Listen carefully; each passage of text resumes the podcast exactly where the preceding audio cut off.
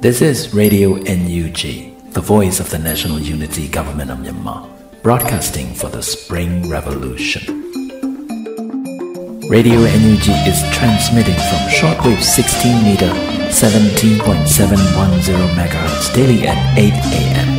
and 25 meter 12 MHz at 8 p.m. Myanmar Standard Times.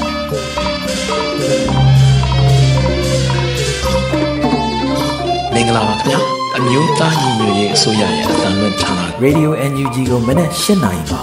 flight meter 16 meter 18.87 MHz ညဘက်မှာ line meter 25 meter 12 MHz တို့မှာတိုက်ရိုက်ဖမ်းယူနားဆင်နိုင်ပါပြီမင်္ဂလာအပေါင်းနဲ့ပြည့်စုံကြပါစေခုချိန်ကစပြီး Radio NUG အစီအစဉ်လေးကိုဓာတ်ရိုက်အသံလွှင့်ပေးနေပါပြီ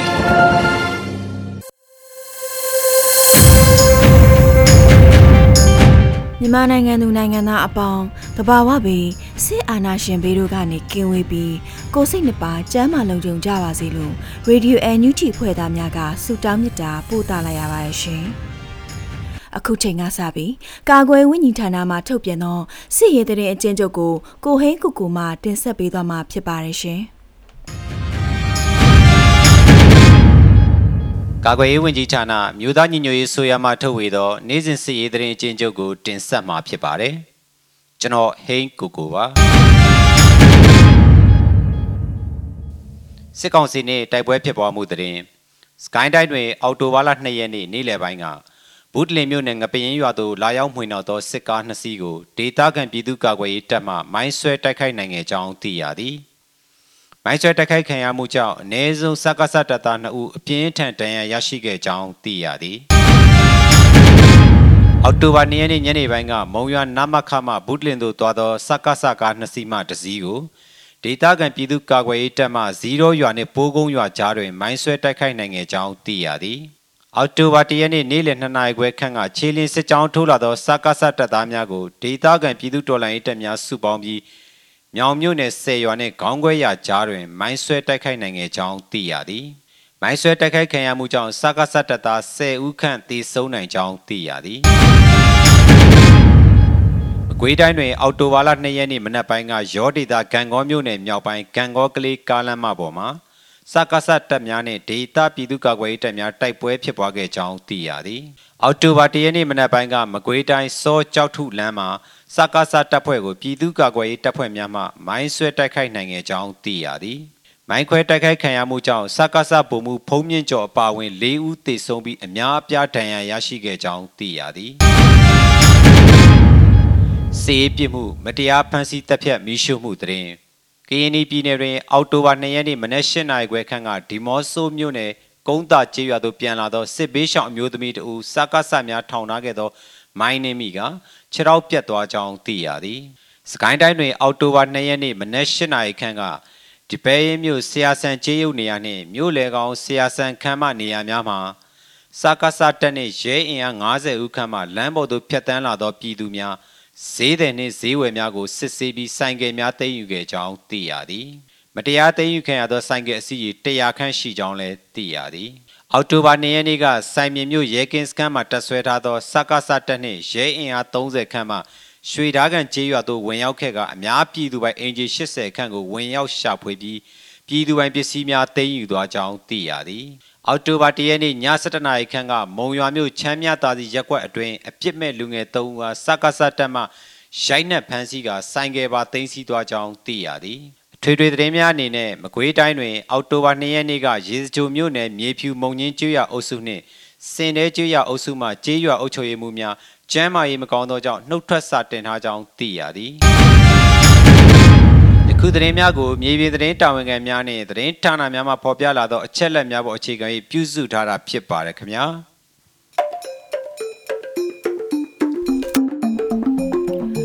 Radio NUG မှာဆက်လက်အသံလွှင့်နေပါတယ်။အခုချိန်မှစပြီးနေ့စဉ်သတင်းများကိုမတ်ထထအိန္ဒြာအောင်မှတင်ဆက်ပေးသွားမှာဖြစ်ပါတယ်ရှင်။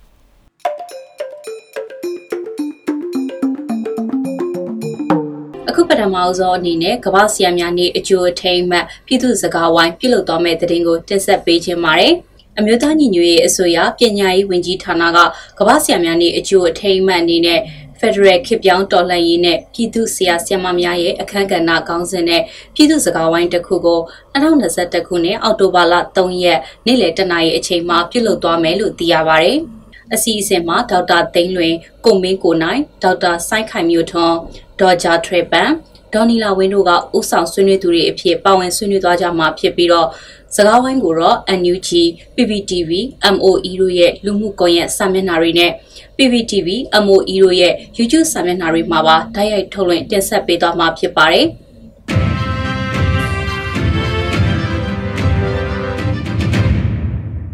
ဆက်လက်ပြီးလူမျိုးပေါင်းစုံအထွေထွေသပိတ်ကော်မတီကဂျိုးဂျာတို့ရဲ့လွတ်လပ်ခြင်းခေါ်တံကမ်ပိန်းစတင်လိုက်တဲ့သတင်းကိုတင်ဆက်ပေးခြင်းပါတယ်။ မတရားဖမ်းဆီးခံထားသူတွေအမြင့်ဆုံးလွတ်မြောက်ဖို့နဲ့ကြာဆုံးသွားတဲ့အာဇာနည်တွေကိုအောက်မေ့တတိယသောအဖြစ်ဂျိုးဂျာတို့ရဲ့လွတ်လပ်ခြင်းခေါ်သံကမ်ပိန်းမှာပြည်သူတွေပါဝင်ကြဖို့လူမျိုးပေါင်းစုံအထွေထွေတပိတ်ကော်မတီ GSCN ကအောက်တိုဘာ၁ရက်မှာစော်ထားပါတယ်။ ဒီကမ်ပိန်းမှာပါဝင်မယ်ဆိုရင်ပြန်မဆုံနိုင်တော့တဲ့တငယ်ချင်းတွေမတရားဖမ်းဆီးခံထားရတဲ့တငယ်ချင်းမိတ်ဆွေတွေနဲ့တော်လှန်ရေးအတွင်းအသက်ပေးသွားခဲ့တဲ့အာဇာနည်သူရဲကောင်းတွေအတွက်စာရွက်လေးထဲမှာမိမိတို့ပြောချင်တဲ့စကားလုံးတွေကိုရေးထည့်ပြီးတော့ဂျိုးချငှက်ကလေးကိုခောက်ရမှာဖြစ်ပါတယ်။အဲ့ဒီလိုခောက်ပြီးရင်တခြားသူတွေကိုလိုက်ဝေဖို့ဒါမှမဟုတ်လဲဖန်ကူးလေးတွေထည့်ပြီးဖန်ဆီးခံရသူတွေနဲ့သူရဲကောင်းတွေအတွက်ဆွတောင်းဖို့ဖြစ်ပါတယ်။ ဂျိုးချငတ်တို့ရဲ့လွတ်လပ်ခြင်းခေါ်တံကမ်ပိန်းမှာပါဝင်ပြီးတော့ပြည်သူတွေရဲ့စီလုံးချင်းကိုပြသကြဖို့လဲ GSCN ကတိုက်တွန်းထားပါတယ်။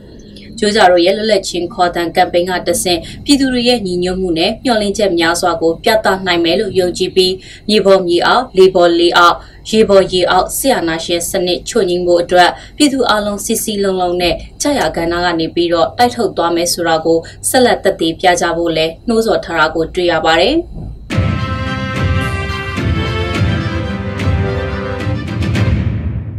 အခုဆက်လက်ပြီးချက်သမရနိုင်ငံမှာအမျိုးသားညီညွတ်ရေးအစိုးရရဲ့မြန်မာကိုယ်စားလှယ်ရုံးရုံးအဖွဲ့ကိုဖွဲ့စည်းလိုက်တဲ့တဲ့တင်ကိုတင်ဆက်ပေးခြင်းပါတယ်။အမျိုးသားညီညွတ်ရေးအစိုးရနိုင်ငံသားရေးဝန်ကြီးဌာနကနိုင်ငံတကာအစိုးရတွေနဲ့လုပ်ငန်းဆောင်တာတွေချိတ်ဆက်ဆောင်ရွက်တဲ့အခါမှာလွယ်ကူစေဖို့အတွက်နိုင်ငံတကာမှာအမျိုးသားညီညွတ်ရေးအစိုးရရဲ့ကိုယ်စားလှယ်ရုံးခွဲတွေထားရှိနိုင်ရေးကြိုးစားနေရမှာအောက်တိုဘာ၁ရက်နေ့မှာတော့ချက်သမရနိုင်ငံအခြေစိုက် NUG မြန်မာကိုယ်စားလှယ်ရုံးရုံးအဖွဲ့ကိုဖွဲ့စည်းနိုင်ခဲ့တာဖြစ်ပါတယ်။ မြန်မာနိုင်ငံရဲ့တရားဝင်အစိုးရဖြစ်တဲ့အမျိုးသားညီညွတ်ရေးအစိုးရနဲ့ချက်သမရနိုင်ငံတို့ကြောင့်ပုံမကောင်းမှုနဲ့ဆက်ဆံရေးရရှိစေရေးနဲ့နိုင်ငံတကာဆက်ဆံရေးတွေပုံမအားကောင်းစေရေးတို့အတွက်ချက်သမရနိုင်ငံအခြေစိုက်အမျိုးသားညီညွတ်ရေးအစိုးရမြန်မာကိုယ်စားလှယ်ရုံးဖွဲ့ကိုအဖွဲ့ဝင်၁၇ဦးနဲ့ဖွဲ့စည်းလိုက်ကြောင်း NUG မြန်မာကိုယ်စားလှယ်ဦးလင်းတန်ကထုတ်ပြန်ထားတာတွေ့ရပါတယ်။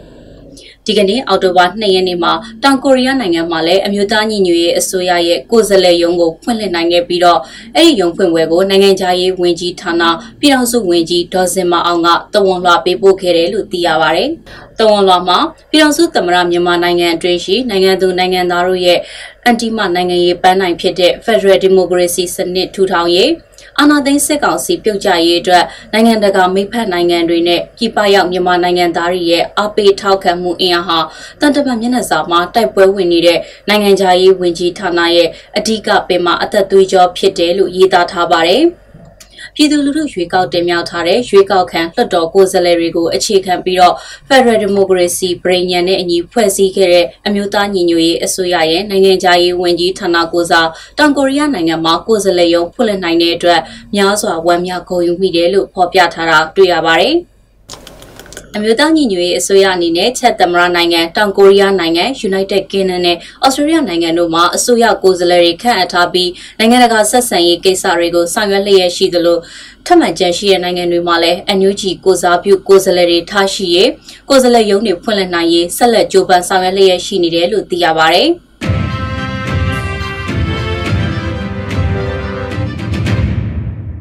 ဆက်လက်ပြီးမြမအချက်တဲကိုဟန်တာဖို့နိုင်ငံတကာကအရေးပေါ်တုံ့ပြန်ဖို့လိုပြီလို့ကုလသမဂ္ဂအတွင်းမှူးချုပ်အန်တိုနီယိုဂူတာရက်စ်ကတတိပေးလိုက်တဲ့သတင်းကိုတင်ဆက်ပေးခြင်းပါတယ်။အရှိတောင်အာရှရဲ့နှလုံးသဲဝက်နေရာမှာကတ်ဆိုးကြီးဖြစ်လာမဲ့ဘေးဖြစ်တဲ့မြမအချက်တဲကိုဟန်တာဖို့နိုင်ငံတကာကအရေးပေါ်တုံ့ပြန်ဖို့လိုကြောင်းကုလသမဂ္ဂအတွင်းမှူးချုပ်အန်တိုနီယိုဂူတာရက်စ်ကတတိပေးလိုက်တယ်လို့စက်တင်ဘာ30ရက်မှာထုတ်ပြန်တဲ့ကုလသမဂ္ဂရဲ့ပြန်ကြားရေးသတင်းစင်ကဖော်ပြထားပါတယ်။ ကုလသမဂ္ဂအကြီးအကဲဟာဗုဒ္ဓဟူးနေ့ကကုလသမဂ္ဂအထွေထွေညီလာခံ UNGA ကိုအစီရင်ခံစာတစ်စောင်ပေးပို့ခဲ့ပြီးတော့စစ်တပ်ရဲ့အာဏာခြေကုပ်ကတုံ့ပြန်ဖို့ပို့ခတ်လာမှာကိုစိုးရိမ်တယ်လို့လည်းအစီရင်ခံစာထဲမှာပါရှိပါတယ်။စစ်တပ်အုပ်ချုပ်မှုအမြင့်တွယ်မလာအောင်ဟန်တားနိုင်မဲ့ဘောင်ကကျင်းလာနိုင်တဲ့မြန်မာပြည်သူတွေရဲ့ဒီမိုကရက်တစ်ရည်မှန်းချက်နဲ့ပြင်းပြတဲ့ဆန္ဒကိုပံ့ပိုးဖို့အရေးကြီးတယ်လို့ကုလအကြီးအကဲကဆက်ပြီးတော့ပြောပါတယ်။ ဒေါအောင်ဆန်းစုကြည်ဦးဆောင်တဲ့ရွေးကောက်ခံအစိုးရကိုစစ်တပ်ကဖေဖော်ဝါရီတရက်ကဖြုတ်ချပြီးကြတဲ့ကမြမအချက်တဲဟာရှေ့လျားပြီးအီလီဆွဲနေခဲ့တယ်လို့ကုလသတင်းစင်ကပြောပါရယ်။ဆရာနာသိမ်းမှုကြောင့်ပြည်လုံးကျွတ်ဆန္ဒပြပွဲတွေပေါ်ပေါက်ခဲ့ပြီးတော့စစ်တပ်နဲ့လုံခြုံရေးတပ်ဖွဲ့ဝင်တွေကအကြမ်းဖက်နှိမ်နင်းတာကိုခံခဲ့ရပါတယ်။ဒါကြောင့်လူအယောက်1100ကျော်တေဆုံးခဲ့ရပြီးလူအယောက်8000ကျော်အဖမ်းခံခဲ့ရတယ်။ လူအယောက်120ထက်မနည်းကတော့ထိမ့်သိမ်းခံထားအချိန်မှာတည်ဆုံခဲ့တယ်လို့အစီရင်ခံထားကြောင်းကုလသမဂ္ဂလူ့ခွင့်ရေးဆိုင်ရာကော်မရှင်နာမင်းကြီးမီရှယ်ပါချီလက်ကပြောပါရယ်။2020ဩဂတ်လလယ်ကနေပြီးတော့2021ခုနှစ်ဩဂတ်လလယ်ကြားကာလအတွင်းအဖြစ်အပျက်တွေစုစည်းထားတဲ့အစီရင်ခံစာကိုနိုင်ငံပေါင်း139နိုင်ငံကအတည်ပြုခဲ့ပြီးတော့နိုင်ငံပေါင်း36နိုင်ငံကမဲမပေးဘဲနေခဲ့ကြပါတယ်။တရုတ်နဲ့ဘီလာရုစ်နိုင်ငံတို့ကကန့်ကွက်ခဲ့ကြပါတယ်။ အရှိတောင်အာရှနိုင်ငံများအသင်းအာဆီယံကဘရူနိုင်းနိုင်ငံသားရေးဒုဝန်ကြီးကိုမြမရေးရအထူးတန်တမန်ဖြစ်ခန့်မှုကိုဒီအစီရင်ခံစာထဲမှာကုလအကြီးအကဲမစ္စတာဂူတာရက်စ်ကကြိုဆိုခဲ့ပါတယ်။ငြိမ်းချမ်းတဲ့အဖြေရှာရေးဖြစ်မြောက်အောင်ဆောင်ရွက်ဖို့ကုလသမဂ္ဂကကြောတော့နောက်ခံပေးထားတဲ့အာဆီယံမူငါရက်ကိုအချိန်မီအပြည့်အစုံအကောင့်ထဲပေါ်နိုင်ဖို့ကိုလည်းသူကစောခဲ့ပါတယ်။မြန်မာနိုင်ငံဆိုင်ရာကုလအထူးတန်တမန်တွေပါလက်တွဲလှုပ်ဆောင်ဖို့ကိုလည်းအာဆီယံကိုဂူတာရက်စ်ကတိုက်တွန်းခဲ့ပါသေးတယ်။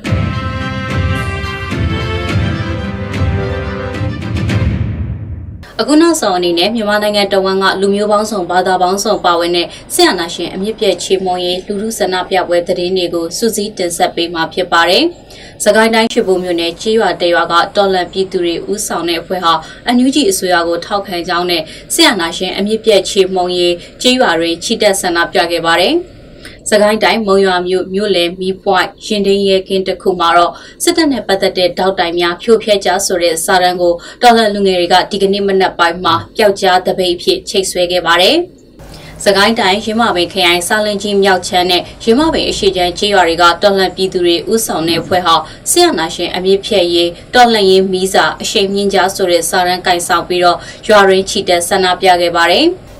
စကိုင်းတိုင်းရင်းမာပင်မြို့နယ်အရှိချမ်းကျေးရွာတရွာကအမျိုးသမီးတို့ဦးဆောင်တဲ့သွေးမအေးတဲ့ရွှေနွယ်သွေးတပိတ်စစ်ကြောင်းကဆရာနာရှင်ကိုတော်လှန်တဲ့နေရာမှာအမျိုးသမီးတွေလည်းသွေးမနေကြောင်ပြသတဲ့အနေနဲ့အာယုံဦးတပိတ်ကိုဆင်နွှဲခဲ့ပါတယ်။တနင်္သာရီတိုင်းတဝဲခရိုင်လောင်းလုံးမြို့နယ်အတွင်းက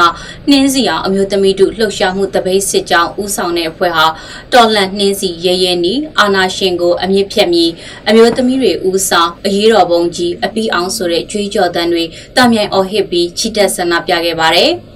ဒါအပြင်တနင်္လာရီတိုင်းတဝဲခရိုင်လောင်းလုံးမြို့နယ်တွင်ကအခြေခံပညာကျောင်းသူကျောင်းသားတွေဦးဆောင်တဲ့အဖွဲ့ကလည်းပြစ်မိန်ကိုမကြောက်လို့စစ်မိန်ကိုတော်လှန်နေတဲ့ဆိုတဲ့စာရန်ကိုက်ဆောင်ပြီးတော့ချီတက်ဆန္ဒပြခဲ့ပါတယ်။ဒါကတော့အော်တိုဘာလ2ရက်နေ့နေ့လယ်2နာရီအချိန်ထိရရှိထားတဲ့မြန်မာနိုင်ငံတဝန်းကဆီယနာရှင်တော်လှန်ရေးလူထုဆန္ဒပြပွဲသတင်းတွေကိုစူးစီးတင်ဆက်ပေးကြတာဖြစ်ပါတယ်။ ဆန္ဒပြသတင်းတွေကိုတော့ခေတ်သစ်သတင်းဌာနကနေတဆင့်ကိုကဖော်ပြခဲ့တာပဲဖြစ်ပါတယ်။ကျေးဇူးတင်ပါတယ်ရှင်။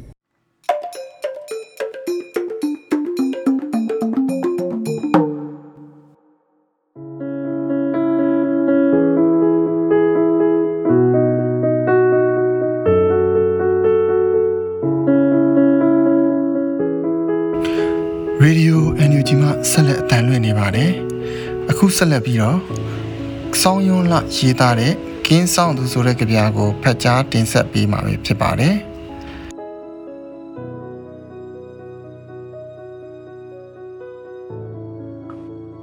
ဘဝကနေဘူးကျဲတဲ့ကြီးတဲ့ချောတိုင်းတက်နေရသလိုပဲမိုးမရွာတာလဲကံကောင်းပါတယ်ကံဆိုးကျင်တော့မိုးကောင်ရေရှားဖဏပအောင်ရှောက်ရတဲ့ခကြီးကို မတိကျိုးကျွန်ပြုတ်ပြီးဖြတ်နေခဲ့ရတယ် တန်ရောစင်မပြတ်ပဲလက်ပြသွားသူနဲ့နှုတ်မဆက်သွားသူအားလုံးညီတူမျှပါပဲလေကဘာကြီးပူနွေးလာမှုအောက်မှာ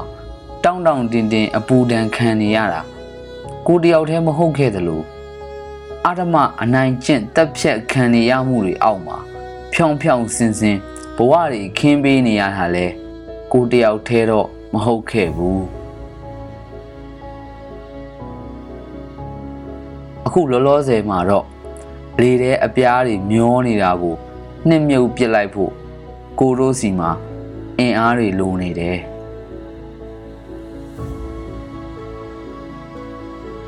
အလုတ်ဖြစ်ဖို့အလစ်ဖြုတ်နေတဲ့မတမာမှုတွေစီကကင်းဝေးဖို့အတွက်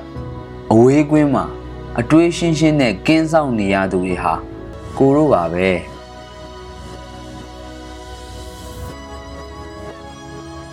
မိုးမလင်းသေးဘူးထင်လို့အိတ်ချင်သူတွေလည်းစက်အိတ်ကြပေါ့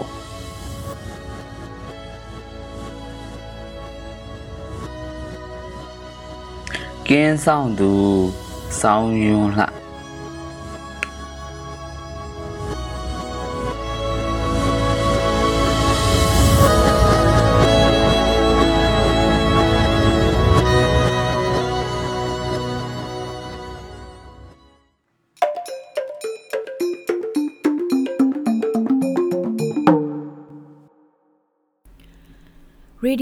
NUG မှာဆက်လက်အတန်းလွှင့်နေပါတယ်။အခုတခါ NUG ရဲ့အမျိုးသမီးလူငယ်နဲ့ကလေးသငယ်ဆိုင်ရာဒုဝန်ကြီးဒေါ်အိတ်တင်စာမောင်နဲ့အင်တာဗျူးအစီအစဉ်ကိုတင်ဆက်ပေးသွားမှာဖြစ်ပါတယ်ရှင်။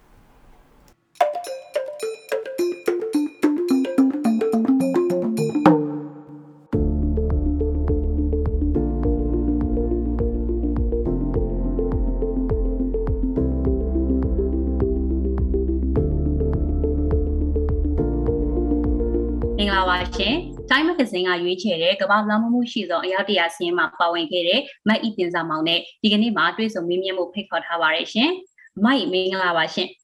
ကဲမင်္ဂလာပါ။ဟုတ်ကဲ့ဟိုပထမအဆုံးအနေနဲ့အခုလိုမျိုး Time Magazine ကရွေးချယ်တဲ့ဒီလောင်းမှုရှိသောအယောက်တရာစီးရင်မှာဟိုဘာကြောင့်ပါဝင်ခဲ့တယ်လို့ထင်လဲရှင်။ဟုတ်သူတို့ magazine ဘက်ကလမ်းပြောတာကတော့ဒီ email ကနေကြောင်းကြားတစ်လောက်ပဲကျွန်တော်တို့ရတယ်ကြောင်းကြားစာဆိုတော့နှစ်ချက်ပေါ့နော် နံပါတ်1တစ်ချက်ကတော့ဒီကျွန်တော်တို့ကຫນွေဦးတော်လန်ရေးမှာဒီဇိုင်းမမတ်ပါဝင်ခဲ့တဲ့ဒီဒီလိုပြောတာတစ်ခုရှိတယ်နောက်ချက်တစ်ခုကတော့ဒီဒါတွေမဟုတ်ဘူးကျွန်တော်တို့ကြံခဲ့တဲ့ဆယ်စုနှစ်တွေမှာလည်းကျမရဲ့နောက်အဲကျမရဲ့တငယ်ချင်းပေါ့နော်အက်စတာရဲ့ကကျွန်တော်တို့ကဒီလူနည်းစုအခွင့်အရေးတွေနဲ့ပတ်သက်ရင်ကျွန်တော်တို့ကတောက်လျှောက်ရက်တည်ခဲ့ကြရတဲ့လူတွေဖြစ်တဲ့အတွက်အဲ့လိုမျိုးစီးရင်နဲ့ထည့်ရတယ်ဆိုပြီးတော့မှအကြောင်းကြားလာတာ ရှင်ဟုတ်ကဲ့ပါရှင်။အခုလိုမျိုးဒီဆင်ရနာသိမ်းပြီးရဲ့နောက်မှာပထမဆုံးလွမ်းပေါ်ထွက်ခဲ့တဲ့သူတွေကနေပြီးတော့ဒီလူငယ်တက်ကြလှူရှားသူတွေဖြစ်တဲ့ဒီအမနဲ့မတ်အက်စတာဇီနိုတို့နှစ်ယောက်ကဒီဒီ Time Magazine လိုမျိုးနိုင်ငံတကာစာမျက်နှာပေါ်မှာရွေးချယ်ခြင်းခံရတာကိုတွေ့ရပါတယ်။အဲ့တော့ဒီရွေးချယ်ခံရမှုကလက်ရှိမျိုးတော်လိုင်းရေးပေါ်ဘယ်လိုမျိုးအကျိုးသက်ရောက်မှုတွေရှိမလဲရှင်ကဲအအကျိုးသက်ရောက်မှုရှိတယ်ဆိုတာထက်ကျမတို့ကဒီပေါ်မှာအကျိုးသက်ရောက်မှုရှိအောင်ဘယ်လိုလုပ်ရမလဲဆိုတာ စဉ်းစားကြနေတာပေါ့နော်အခုလေကျမလည်းစဉ်းစားတယ်လို့မျိုးကျမရဲဘော်အက်စတာလည်းစဉ်းစားဖြစ်မယ်လို့ထင်တယ်ဘာလို့လဲဆိုတော့ဒီစစ်အာဏာရှင်စနစ်ကိုတော်လှန်တဲ့လူဦးတော်လှန်ရေးအကြောင်းကိုတော့ကဘာကကြီးကြီးလေးလေးတည်သွားပြီးပြီတည်သွားပြီးရဲ့ကိစ္စလေးဖြစ်တယ်နော်ဒါပေမဲ့လည်းလက်ရှိမြန်မာနိုင်ငံမှာပညာတတ်လူငယ်တွေအာလက်နက်ကင်ခုခံရတဲ့အခြေအနေတွေနဲ့ပြည်တွင်းမှာစစ်အာဏာရှင်စနစ်ရဲ့အာစစ်အာဏာရှင်တွေရဲ့ရက်ဆက်စွာတပ်ဖြတ်မှုတွေအပြင် ຫນွေဦးတော်လှန်ရေးကိုအာအရှိန်မြင့်လာအောင်ပေါ့နော်ဒီထက်ပိုအရှိန်မြင့်တက်လာအောင်လို့ကျမတို့အနေနဲ့အဲတကဘာလုံးမှာရှိတဲ့လူငယ်တွေနဲ့ကောပေါင်းပြီးဘယ်လိုချိတ်ဆက်ကြမလဲဘယ်လိုလှုပ်ဆောင်ကြမလဲဒီမိုကရေစီကိုဒီထက်ပိုပြီးတော့မှဘယ်လိုမျိုးအာမြင့်တင်ကြမလဲဆိုတာတွေကကျမတို့ဒီအခြေအနေတွေပေါ်မှာမူပြီးစဉ်းစားနေရတဲ့အတွက်ကျမတို့ကအကျိုးသက်ရောက်မှုရှိတယ်ဆိုတာထက်ဒါကိုကျမတို့ကကိုယ်နိုင်ငံအတွက် ကိုရီးယားအာဏာရှင်စနစ်ဆန့်ကျင်ရေးအတွက်ဘယ်လိုအသုံးချရမလဲဆိုတဲ့ဟာလေးပဲစဉ်းစားဖြစ်နေပါတယ်။ဟုတ်ကဲ့ပါရှင်။အခုလိုမျိုးဒီအာဏာရှင်စနစ်ဆိုအောင်မှာကြီးပြင်းခဲ့ရတဲ့တိုင်းသူအမျိုးသမီးတို့အနေနဲ့ပေါ့နော်ဒီလက်ရှိဟိုຫນွေဥဒလိုင်းရဲ့အခင်းချင်းကဒီတောင်ပေါ်မြေပြန့်ပြီးရင်ပြည်နယ်ဒီမှာနေထိုင်သူအားလုံးပေါ့နော်အခုဒီစနစ်ဆိုးဒဏ်ကိုအကုန်လုံးသိရှိနားလည်ကြပြီးတော့ဟိုဟိုအခွင့်အရေးတန်းတူညီများရှိတဲ့ Federal Democracy သွားတဲ့လမ်းကြောင်းကိုအဲရောက်ဖို့ရောဒီအခုကအချင်းကြီးကောင်းတွေရှိနေပြီလို့ထင်လားရှင်မများတော့အားလုံးကလည်းတော်လိုင်းကြီးထဲမှာပါလာကြတယ်နော်ရာခိုင်နှုန်းတော်တော်များများကတော့ဒီတော်လိုင်းကြီးထဲပါလာကြတယ်ဒီနွေဦးတော်လိုင်းကြီးမဖြစ်ခင်ကတည်းကဒီလူမျိုးစုလူနည်းစုဒေတာတွေမှာကသူဟာနဲ့ဒီလူမြောက်ရေးအတွက်ကြိုးစားနေကြတာရှိပြီလားအဲ Federal Democracy အတွက်ကြိုးစားနေကြတဲ့တိုင်းကိုင်းတိုင်းသားလက်နက်ကိုင်တော်လိုင်းရေးဓမ္မတွေတိုင်းသားလက်နက်ကိုင်တော်လိုင်းရေးအဖွဲ့အစည်းရလဲဒါရှိရပါတော့ဒါပေမဲ့ຫນွေဦးတော်လိုင်းရေးဖြစ်တဲ့အခါမှာတော့ပြည်မနဲ့ချိတ်ဆက်မိပြီးတော့မှအရှိန်ကိုကောင်းကောင်းနဲ့အာဆောင်ရွက်နိုင်တဲ့သဘောပေါ့နော်ဒါပေမဲ့အာပါမလာတဲ့အနေစုဆိုတော့ရှိမှာပဲလေဒါကတော့ခစ်တိုင်းပေါ့နော်ခစ်တိုင်းခစ်တိုင်းမှာဒီလိုမျိုးဟိုကိုကိုနေတိုင်းနေတာလိုနေနေတဲ့ လူနည်းစုဆိုတာကတော့ဒါရှိကြတာပဲလေနော်အဲဒါပေမဲ့ကျမတို့ကပြန်ပြီးချင်းချိန်ပြီးစဉ်းစားရမှာကကျမတို့ကြုံခဲ့ရတဲ့အခက်အခဲနဲ့ဒီလူမျိုးစုဒေတာတွေမှာလူနည်းစုဒေတာတွေမှာခံစားခဲ့ရတဲ့ကြုံခဲ့ရတဲ့အခက်အခဲကအများကြီးတွားနိုင်ရှင်လို့မရတယ်ဘာလို့လဲဆိုတော့ဟိုပြီးမှမှနေတဲ့ကျမတို့ကြတော့အဲခံစားရတာနည်းတယ်လေဒါတိုင်းနာဒေတာတွေမှာလူမျိုးစုလူနည်းစုဒေတာတွေမှာက အရင်ကတည်းကခံစားခဲ့ရတာများတယ်ဆိုတဲ့အခါကျတော့တစ်ခါတလေကျတော့ကျမတို့ဒီလောက်ရကန်ရတဲ့အခါမှာကျမတို့ညီညွတ်ရေးကိုတိစောက်ကြတဲ့အခါမှာလည်းနည်းနည်းလေးအခက်အခဲလေးရတော့ရှိတာပေါ့နော်ဒါပေမဲ့လည်းဟိုကျမတို့တွေအားလုံးကဒီလူမျိုးအနေထားပေါ်မှာဒီလိုမျိုးအခြေအနေတွေပေါ်မှာနားလည်ပေးရမယ်ခွင့်လွှတ်ပေးရမယ်ပြီးတော့မှလက်သွင်းနိုင်ရလိမ့်မယ်ပေါ့ဒါမှဒါကျမတို့လူချင်းနဲ့ Federal Democracy ကိုရမယ်လို့တော့ကျမတို့ထင် ဟုတ်ကဲ့အဲအခုဆက်ပြီးတော့ဒါအမလက်ရှိတာဝန်ယူထားတဲ့ဝန်ကြီးဌာနနဲ့ပတ်သက်ပြီးတော့လည်းအဲသိချင်လာနေရှိပါတယ်အဲအခုလက်ရှိကာလဒီစစ်ကောင်စီကနေပြီးတော့ပေါ့နော်ဒီအမျိုးသမီးတွေကလေးတငယ်တွေအဲကလေးတငယ်တွေကိုပေါ့နော်ဟိုဖမ်းဆီးပြီးတော့ညှဉ်းပန်းတပ်ဖြတ်နှိပ်စက်တာတွေကိုတွေ့နေရတယ်အဲဒီအတွက်ရောအမားတို့ဝန်ကြီးဌာနအနေနဲ့ဘယ်လိုမျိုးတွေလှုပ်ဆောင်နေရရှိလဲရှင်အရင်ဆုံးတစ်ချက်ကတော့ဒါကျွန်တော်တို့အားလုံးသိချတဲ့အတိုင်းပဲမြေပြင်အုပ်စု အုပ်စုမှုအနေထားမှာတော့ဒီ NUG ကတစုံတရာကျွန်တော်တို့အဲအားနေချက်လေးရှိရပေါ့နော်အားနေချက်ရှိတဲ့ခါကျတော့တချို့အမှုအခင်းကိစ္စတွေမှာကျွန်တော်တို့ကအချိန်နဲ့တပြေးညီအရေးယူမနိုင်တာမျိုးတွေရှိတယ်ဆိုတော့တချို့ကိစ္စတွေမှာကျွန်တော်တို့ကမှတ်တမ်းတင်ထားတဲ့အမှုတွေရှိတယ်နောက်တစ်ခုကတော့ဒါကျွန်တော်တို့အချိန်ဟိုပေါ့နော်ဒီနိုင်ငံတကာမှာကျွန်တော်တို့အမှုဖွင့်အရေးယူနိုင်အောင်လို့ကျွန်တော်တို့အချက်လက်တွေတင်ပြထားတာမျိုးတွေရှိတယ်အစီရင်ခံစာတွေပို့တာမျိုးတွေရှိတယ် ဒါမျိုးတွေလည်းရှိတယ်နောက်တစ်ခုကကျွန်တော်တို့ကုညီထောက်ပံ့ပေးအစီအစဉ်ပေါ့နော်ကုညီထောက်ပံ့ပေးအစီအစဉ်ကတော့ဒါကျွန်တော်တို့အဲဒီတော်လန်ရေးမှာကြဆုံးသွားတဲ့အမျိုးသမီးတွေအတွက်ဒါမှမဟုတ်ထောင်တွင်းအချင်းချခံထားရတဲ့အမျိုးသမီးတွေတို့ကျွန်တော်တို့နီလန်အမျိုးမျိုးနဲ့ကူညီပေးနေရတော့ရှိတယ်ဒါကတော့အသေးစိတ်ကျွန်တော်တို့ပြောပြပေးလို့မရဘူးဘာလို့လဲဆိုတော့အသေးစိတ်ပြောလိုက်တဲ့အခါမှာနှစ်ဦးနှစ်ဖက်အန်ဒီရရှိတာမျိုးလေးရှိတဲ့အတွက်ဒါတော့ကျွန်တော်တို့တော့ဟိုအသေးစိတ်ကတော့ပြောပြလို့မရဘူးပေါ့နော်ကျွန်တော်တို့ကတော့လက်လန်းပြီးတလောက် ကူညီနေရမျိုးရှိရဲလက်လန်းပြီးတလောက်ကျွန်တော်တို့အဲပေါ့နော်လက်သွဲလှုပ်ဆောင်နေရမျိုးလေးတော့ရှိပါတယ်ရှင်ဟုတ်ကဲ့ပါရှင်အဲနောက်တစ်ခုကကျတော့ဒီလူငယ်အဖွဲ့တွေနဲ့ချိတ်ဆက်ပြီးတော့ဆောင်ရွက်နေတာမျိုးတွေလည်းတွေ့ရတယ်အဲ့တော့ဒီချိတ်ဆက်မှုကအကောင်းနေပြီလားဆိုတာရဲ့ပြီးတော့ဒီတော်လှန်ရေးအတွက်တော့အော်ဒါအထောက်အကူပြုနေပြီလားဆိုတာလေးလည်းသိချင်ပါတယ်ရှင်ဟုတ်ကဲ့လူငယ်တွေကတော့ဒီတော်လှန်ရေးမှာတက်ဦးကနေပါနေကြတဲ့သူတွေပေါ့နော်တက်ဦးကနေပါနေကြတဲ့သူတွေဖြစ်တဲ့အတွက် အမြဲတမ်းတက်လဲတက်ကြွတယ်သူတို့ဆိုအမြဲတမ်းအဲပေါ့နော်အိုင်ဒီယာကောင်းနေအတွေးခေါ်တစ်တွေလည်းအမြဲတမ်းရှိနေကြတယ်အလွယ်တကူအာပေါ့နော်အစင်တဲ့အမြဲတမ်းဖြစ်နေကြတယ်လူတွေပေါ့နော်ဆိုတော့တခါတလေကြာရင်ဒီလိုလူငယ်အဖွဲ့အစည်းတွေစီကနေကျမတို့တော့ပြန်ပြီးတော့မှသင်ယူရတာရှိတယ်ကျမတို့တော့ပြန်ပြီးလေ့လာရတာရှိတယ်ဆိုတော့ကျမတို့မလုပ်ပေးနိုင်တဲ့တချို့ကိစ္စရက်တွေကြတော့လေဒီလိုပြည်ရင်းပြည်ပလူငယ်တွေသူတို့နဲ့ချိတ်ဆက်ပြီးကူညီရတာမျိုးရှိတယ်ဆိုတဲ့ခါကျတော့ လူငယ်တွေနဲ့ချိတ်ဆက်မှုကတော့ကျွန်တော်ထင်ထားတာထက်ပိုပြီးတော့မှကောင်းပါတယ်ပြီးတော့မှလူငယ်တွေရဲ့လှုပ်ဆောင်မှုကလည်းအရှိမပြောခဲ့တယ်လို့ပဲဒီတော်လိုင်းရေးတစ်ခုလုံးမှာသူတို့ကတက်ဦးကနေဦးဆောင်နေတာဖြစ်တဲ့အတွက်ဟိုလက်နက်ကင်တော်လိုင်းရေးမှာလည်းဖြစ်ဖြစ်စန္ဒပြတာသမိတ်မောက်တာပဲဖြစ်ဖြစ်နိုင်ငံတကာချိတ်ဆက်မှုမှာလည်းဖြစ်ဖြစ်လူငယ်တွေကအမြဲတမ်းရှိတဲ့အနေဦးဆောင်ရေးတူတွေပါရှင် ဟုတ်ကဲ့ပါရှင်အခုနောက်ဆုံးအနေနဲ့ဒီຫນွေဦးတော်လိုင်းရေးကိုဆင်နွှဲနေကြတဲ့ဒီမြန်မာနိုင်ငံအနှံ့ကအာတိုင်းရင်းသားပြည်သူတွေအတွက်ရောအမအနေနဲ့ဘယ်လိုမျိုးသတင်းစကားတွေပါချင်သေးလဲရှင်ဟုတ်ကဲ့အော်ဒီအခြေအနေကပေါ့နော်အရေးပေါ်အခြေအနေလဲဒါကြီးညာလိုက်ပြီးတာဖြစ်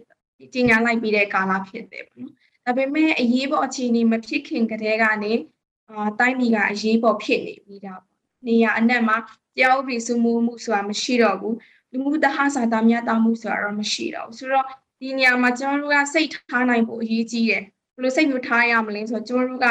ကောင်းရင်လည်းကျမတို့အတူတူစံရမယ်ပေါ့နော်ဆိုရင်လည်းကျမတို့ကအတူတူခံကြရမှာဖြစ်တယ်ဆိုတော့ဒီလိုမျိုးယူရင်းပြက်စီးနေတဲ့လူအဖွဲ့အစည်းတွေကနေတူတယောက်တည်းအဲကောင်းပြီးရှင်တန်မှုဆိုတာဘလို့မှမဖြစ်နိုင်ဘာလို့လဲဆိုတော့ကိုတယောက်တည်းအဆင်ပြေနေတော့လူမှုပတ်ဝန်းကျင်ကအဆင်ပြေမနေတာဖြစ်တဲ့အတွက်ဒါကိုတယောက်တည်းဘလို့မှဒီဒီရဲ့ပတ်ဝန်းကျင်ကြီးထဲမှာ အဟဆန္ဒဖြစ်အောင်ရှင်တန်နိုင်မှုဆိုတာအရန်ခက်ခဲတယ်ဆိုတော့ဒါမျိုးအခြေအနေမှာကျမတို့အတူတူရုန်းကန်စူးစမ်းမှာပဲအဲဒီတော်လန်ကြီးကအောင်မဲ့တော်လန်ကြီးဖြစ်တယ်ဆိုတော့ရှေ့မှာပြောခဲ့တယ်လို့ပဲဟောဒီလိုအခြေအနေမျိုးကြီးထဲမှာနေတာတယ်လို့နေနေတဲ့အခွင့်အထူးခံလူဒန်းစားဆိုတာရှိတာပဲရှိမှာပဲဒါမဲ့ဒါတွေကလည်းလူနည်းစုတွေပဲဆိုတော့ဒါတွေကလည်းအချိန်မီဒါကျမတို့တွေနဲ့တော်လန်ရေးနဲ့အတူတူကိုတက်နိုင်တဲ့ဘက်ကနေပူပေါင်းပါဝင်နိုင်ရင်တော့ဒါတော့အကောင်းဆုံးပဲဆိုတော့ကျွန်မထင်တယ် နောက်တစ်ခုကတော့ဒါ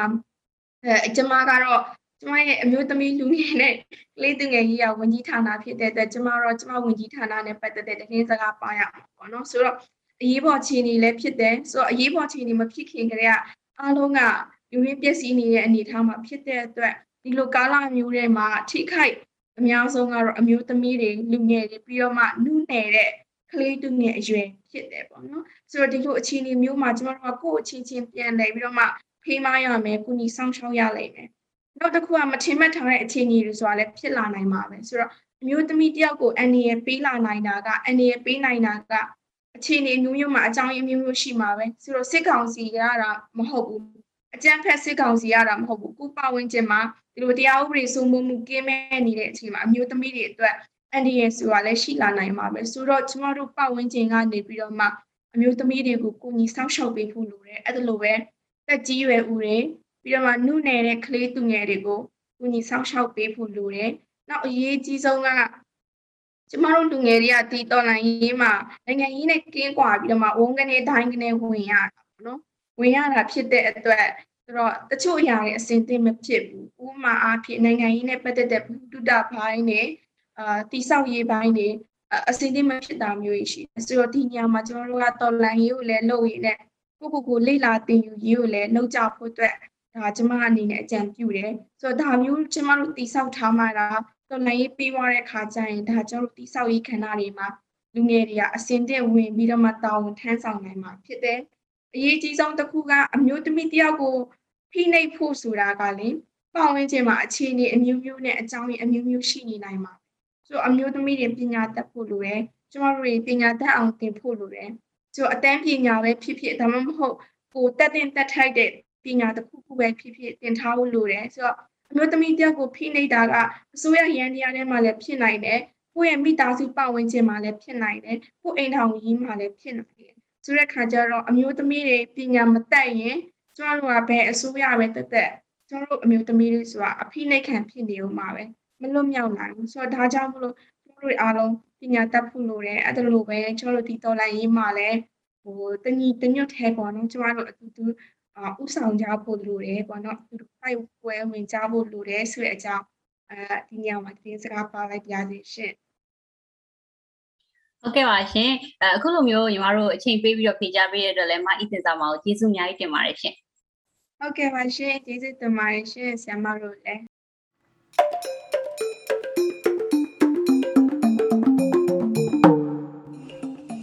ဒီကနေ့တော့ဒီညနဲ့ပဲ Radio NUG အစီအစဉ်လေးကိုကိတ္တရန်နာလိုက်ပါမယ်မြမစံတော်ချိန်မနေ့၈နာရီညနေ၈နာရီတို့မှာပြန်လည်တွေ့ဆုံကြပါစို့ Radio NUG ကိုမနက်၈နာရီမှာ flight meter 16 meter 19.87 MHz ညဘက်မှာ flight meter 25 meter 12 MHz တို့မှာတိုက်ရိုက်ဖမ်းယူနားဆင်နိုင်ပါပြီ။မြန်မာနိုင်ငံသူနိုင်ငံသားများ ကိုစိတ်နှပြချမ်းမာချမ်းသာလို့ဘေးကင်းလုံခြုံကြပါစေလို့ Radio NUG အဖွဲ့သူအဖွဲ့သားများဆုတောင်းပေးလိုက်ပါတယ်။အမျိုးသားညီညွတ်ရေးအစိုးရရဲ့ဆက်သွယ်ရေးသတင်းအချက်အလက်နဲ့ဤပညာဝန်ကြီးဌာနကထုတ်လွှင့်နေတဲ့ Radio NUG ဖြစ်ပါတယ်။ San Francisco Bay Area ခြေဆိုင်မြန်မာမိသားစုများနဲ့